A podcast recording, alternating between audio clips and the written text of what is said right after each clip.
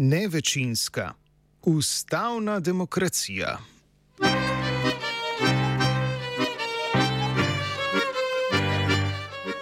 Peter Gregorčič, predsednik programskega sveta Radio Televizije Slovenija, Andrej Grah Votmov, dozdajšnji generalni direktor RTV Slovenija, Tamara Besednjak Valič, namestnica predsednika nadzornega sveta in Uroš Urbanija, direktor Televizije Slovenija, so na ustavno sodišče uložili pobudo za oceno ustavnosti novele zakona o RTV Slovenija.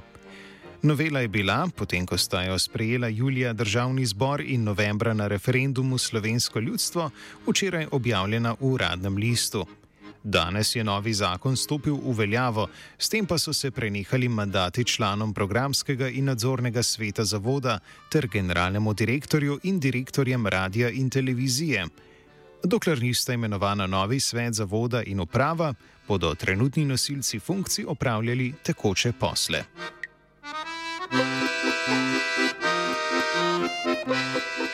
Glavni namen novele zakona je po utemeljitvi predlagatelja, torej vlade, depolitizacija javnega zavoda. To naj bi dosegli s tem, da članov novega sveta zavoda, ki bo nadomestil programski svet, ne bosta imenovala niti državni zbor, niti vlada.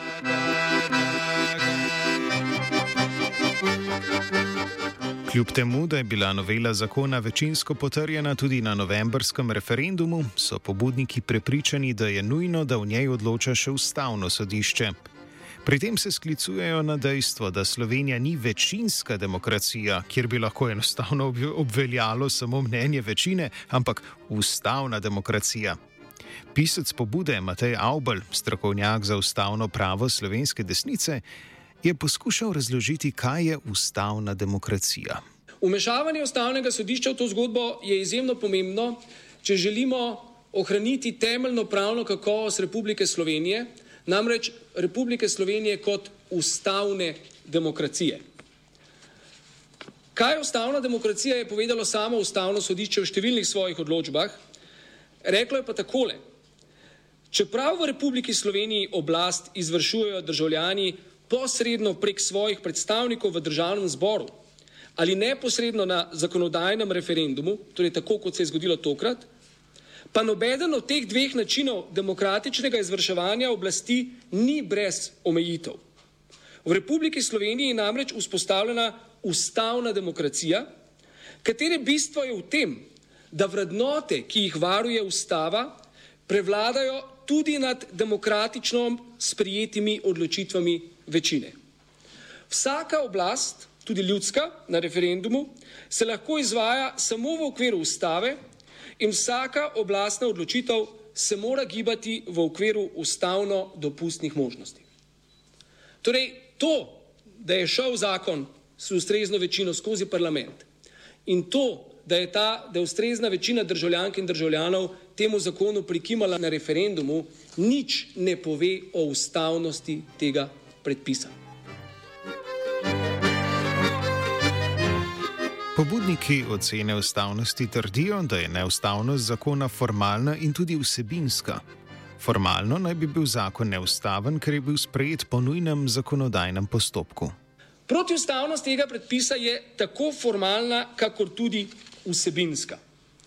In izpodbijanje določbe novega zakona o RTV zaradi postopka, po katerem je bil sprejet. Naj vas spomnim, da je šlo za eklatantno zlorabo nujnega zakonodajnega postopka v državnem zboru, kar v izjavah, ki smo jih navedli tudi v to pobudo, potrjujejo sami vladni predstavniki. Ministrica za kulturo je se je pohvalila, da je šel zakon gladko čez parlament.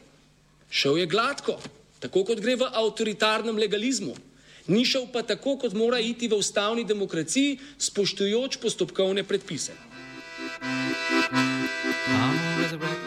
Na današnji novinarski konferenci je ministrica za kulturo Asta Vrečko pojasnila, zakaj je bil za sprejetje zakona potreben nujen zakonodajni postopek. Razumemo kot še en zavlačevalni manever uh, predlagateljev. Uh, najprej bi uh, spomnila na to, da nujni zakonodajni postopek je bil potreben za preprečitev težko popravljivih posledic za delovanje države in sicer v širšem smislu, saj RTV Slovenija je tista, ki skrbi za informiranost, za pretok informacij in obveščenost vseh prebivalcev in prebivalk Republike Slovenije.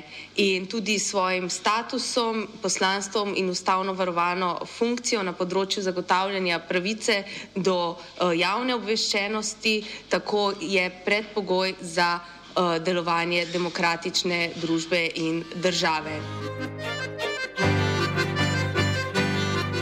Anuška Podvršič iz pravne mreže za varstvo demokracije, kjer so predstavili prvi osnutek novele obravnavanega zakona, je prepričana, da je bil postopek izveden v skladu s predpisi in da ustavno sodišče zaradi tega praviloma ne bi smelo razveljaviti zakona. Zakonodajni postopek je potekal v več fazah, skladno z poslovnikom državnega zbora. Uh, nujni postopek je postopek, ki je predviden v poslovniku državnega zbora uh, in kolikor je nam znano, ustavno sodišče še ni razveljavilo zakona, zato ker naj bi bil ta obravnavan v nujnem postopku. Pri tem je treba tudi povdariti, da skoraj tretjina zakonov je sprejetih pač v tem nujnem postopku. Z namenom, da bi se sanirala domnevna formalna neustavnost zakona, pobudniki, med katerimi je prvopodpisani Petr Gregorčič, ustavnemu sodišču predlagajo tudi razpis javne obravnave zakona. Pobudniki ustavnemu sodišču predlagamo tudi razpis javne obravnave, ki jo predvideva drugi odstavek 35. člena zakona o ustavnem sodišču. Pripričani smo namreč, da je javna obravnava potrebna iz treh razlogov in sicer prvič da se sanira protiustavna zloraba nujnega zakonodajnega postopka, s katero je vlada preprečila javno razpravo in tudi nadzor nad svojim delovanjem v parlamentu. Drugič, da se ugotovi celokupni sociološki kontekst zadeve, v katerem vlada kot predlagatelj pod krinko depolitizacije Radio Televizije Slovenija dejansko zaseduje ustavno prepovedan cilj politične čistke trenutne sestave vodenja, upravljanja in nadzora Radio Televizije Slovenija. In tretjič, da se preko javne obravnave ponovno vzpostavi integriteta RTV Slovenija kot javnega zavoda posebnega kulturnega in nacionalnega pomena, ki upravlja javno službo na področju radijske in televizijske dejavnosti in sicer z namenom zagotavljanja demokratičnih, socialnih in kulturnih potreb državljank in državljanov Republike Slovenije. Vsebinsko naj bi bil zakon med drugim neustaven, ker se z njegovo veljavo predčasno prekinejo mandati članov programskega in nadzornega sveta in trenutnega vodstva. Pobudnike skrbi, da v primeru, da ustavno sodišče ne bi zadržalo izvajanja novele zakona in kasneje v vsebinski obravnavi ugotovilo neustavnost zakona, ne bi dobili nazaj svojih mandatov. V primeru, ko ustavno sodišče ne bi zdržalo izvajanja takega zakona, po našem mnenju postale, nastale ne zgolj težko popravljive, ampak tudi povsem nepopravljive posledice. In sicer, prvič, pobudnikom bi bila na individualni ravni oduzeta funkcija zagotavljanja samostojnosti, neodvisnosti in avtonomnosti Radio Televizije Slovenija, brez katere tudi institucionalna neodvisnost Radio Televizije Slovenija, ki jo terja njena pravica iz 39. člena ustave, to je pravica do obveščenosti, v resnici ne more obstajati. Drugič, novela zakona prekinja mandate pobudnikov in ne le, da prekinja te mandate, ampak ukinja tudi strukture, v katerih smo pobudniki delovali. Naprimer, ukinja mesto generalnega direktorja, ga nadomešča z mestom uprave, ukinja mesto programskega in nadzornega sveta, in ga nadomešča s svetom. Zato bi v primeru, da ustavno sodišče tega ne bi zadržalo, bi pa kasneje ugotovilo, da je zakon protiustaven, v bistvu nam ne moglo vrniti več mandata, ker organi, ki jih, je, eh, ki jih bo nov zakon uvajal, oziroma v katerih smo mi do zdaj eh, delovali po uveljavitvi novega zakona, sploh ne bi več obstajali. In pa tretjič, kot je že v fazi sprejemanja novele zakona opozorila tudi zakonodajno-pravna služba državnega zbora, Vlada s to novelo ni temeljno uredila imenovanja posameznih članov novega sveta. Zato se lahko zgodi, da bo ob implementaciji zakona prišlo do situacije, ko določeni novi upravičenci za imenovanje, zaradi tega, ker ti postopki niso dovolj dobro, dovolj dobro opredeljeni, ne bodo mogli imenovati novih članov sveta za daljše časovno obdobje. To bi lahko privedlo tudi do situacije, ko bi RTV Slovenija bil dalj časa brez organov upravljanja nadzora v polni sestavi, kar bi lahko dolgoročno ogrozilo tudi izvajanje javne službe in s tem povzročilo dodatno kršitev 39. člena ustave. Podvršič odgovarja, da prenehanje mandatov, kot določa zakon, ni problematično in protiustavno. Menimo, da to ni v neskladju z ustavo. Um, ustavno sodišče je zauzelo že, že večkrat zauzelo stališče, da imenovanje na te vodilne funkcije v državi uh, se ne šteje za neko pridobljeno pravico, ampak gre za privilegij. To pomeni, da tudi da s prenehanjem teh mandatov ni poseženo v njihovo pravico, ampak samo v njihov privilegij. Um, tudi v te mandate je seveda prepovedano posegati arbitrarno, brez nobenega razloga. Raz, razlog mora biti, mora biti utemeljen v javnem interesu in uh, neodvisna javna RTV je vsekakor ta interes, ki bi prevladal nad interesom teh posameznikov, da obdržijo uh, to svojo funkcijo. Aubel v eksegezi nadaljuje o tem, v nasprotju s katerimi členi slovenske, pa tudi evropske zakonodaje je novela zakona o radioteleviziji Slovenije. Protiustaven poseg v pravico do svobode izražanja iz 39. člena ustave, protiustaven poseg v pravico do sodnega varstva iz 23. člena ustave ter prvega odstavka 6. člena EKČP protiustaven poseg v pravico do zasebnega življenja iz 8. člena EKČP, protiustaven poseg v pravico do sodelovanja pri upravljanju javnih zadev iz 44. člena ustave, protiustaven poseg v pravico do svobode dela iz 3. odstavka 49. člena ustave, protiustaven poseg v pravico do domneve nedolžnosti iz 27. člena ustave, kršitev načela demokratičnosti iz 1. člena ustave, kršitev načel pravne države iz drugega člena ustave, še posebej načela varstva zaupanja v pravo ter načela določnosti predpisov. Kršitev načela delitve oblasti iz tretjega člena ustave, kršitev načela enakopravnosti iz 14. člena ustave, kršitev že omenjena pravil zakonodajnega postopka iz 89. člena ustave ter kršitev pravil o uveljavitvi zakona iz 154. člena ustave. Novi svet zavoda, ki bo nadomestil dosedanji programski svet, bo sestavljalo 17 članov. Od tega bo 6 članov sveta, predstavnikov zaposlenih na RTV Slovenija. 11 članov sveta zavoda bo predstavnikov javnosti. Za voljo jasnosti navajamo vse institucije in organizacije, ki bodo predstavnike javnosti imenovali. Imenovane jih bodo na podlagi javnih pozivov, na katere se bodo lahko prijavili kandidati z ustreznih področji, ki med drugim vsaj pet let pred imenovanjem ne bodo smeli biti člani organov političnih strank. Po enega člana boste imenovali italijanska in mačarska narodna skupnost. Enega predstavnika registriranih verskih skupnosti bo imenovala predsednica republike. Enega člana bo imenovala Slovenska akademija znanosti in umetnosti s pozivom univerzam in raziskovalnim inštitutom. Nacionalni svet za kulturo bo imenoval dva člana. Enega predstavnika kulturnih in umetniških organizacij in enega predstavnika organizacij z področja audiovizualnega sektorja. Enega predstavnika športnih zvez in drugih športnih organizacij bo imenoval Olimpijski komitej. Informacijska pooblaščenka bo imenovala predstavnika organizacij z področja medijev, razvoja informacijske družbe in zagotavljanja transparentnosti.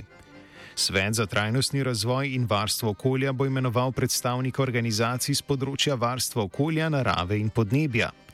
Enega člana bo imenovala krovna organizacija invalidov, predstavnika javnosti z področja varstva človekovih pravic in svoboščin pa bo imenoval varuh človekovih pravic.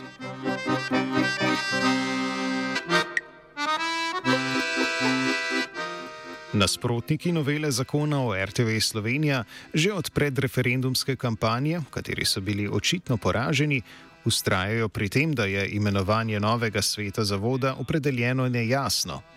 Pri tem, kdo in kako imenuje člane sveta zavoda, kot smo videli, ni nejasnosti.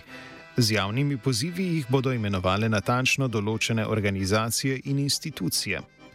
Ali gre pri tem za resnično depolitizacijo, je seveda vprašanje, saj bodo odločitve o tem, koga od prijavljenih na pozive bodo v institucijah na zadnje izbrali, na koncu vendarle politične ali mikropolitične.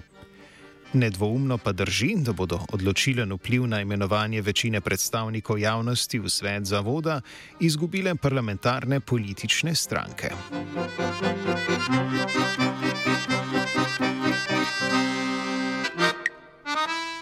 Nekaj nejasnosti morda ostaja pri konstituciji novega sveta zavoda. Kakor določa novela zakona, se mora svet zavoda namreč konstituirati najpozneje v 60 dneh po uveljavitvi zakona, torej po današnjem dnevu. Nekaj nejasnosti nastopi pri žrebu, ki ga bo morala upraviti predsednica republike. V roku osmih dni bo morala namreč upraviti žreb, katere člane sveta zavoda se imenuje za dve, katere pa za štiri leta. Na prvi pogled nejasno je torej, o kom bo žrebala predsednica, če člani sveta zavoda do žreba še ne bodo izbrani. Vendar zakon jasno določa, da se zgolj o prvem imenovanju 9 od 17 članov sveta imenuje za dvoletni mandat. Razlog za to je, da se v prihodnjih izbirah članov sveta ne bodo menjali vsi člani naenkrat, ampak polovica članov na vsaki dve leti. Predsednica bo torej opravila žreb o tem, katerih devet praznih kandidatnih mest za svetnike bo razpisanih za mandat dveh let. Na pozivih k prijavam za člane sveta mora pač jasno pisati, ali se kandidati prijavljajo za dvoletni ali za štiriletni svetniški mandat. And back, and Nejasno v tem trenutku tako ostaja le še, ali bo ustavno sodišče o pobudi za oceno ustavnosti novele zakona tudi vsebinsko presojalo in ali bo zaradi morebitnih nepopravljivih posledic, ki bi nastale z uveljavitvijo sprememb zakona, izvajanje zakona zadržalo. Pri tem je seveda v trenutnem stanju RTV Slovenija povsem jasno, da bi več nepopravljivih posledic povzročilo zadržanje izvajanja zakona, kakor njegova uveljavitev.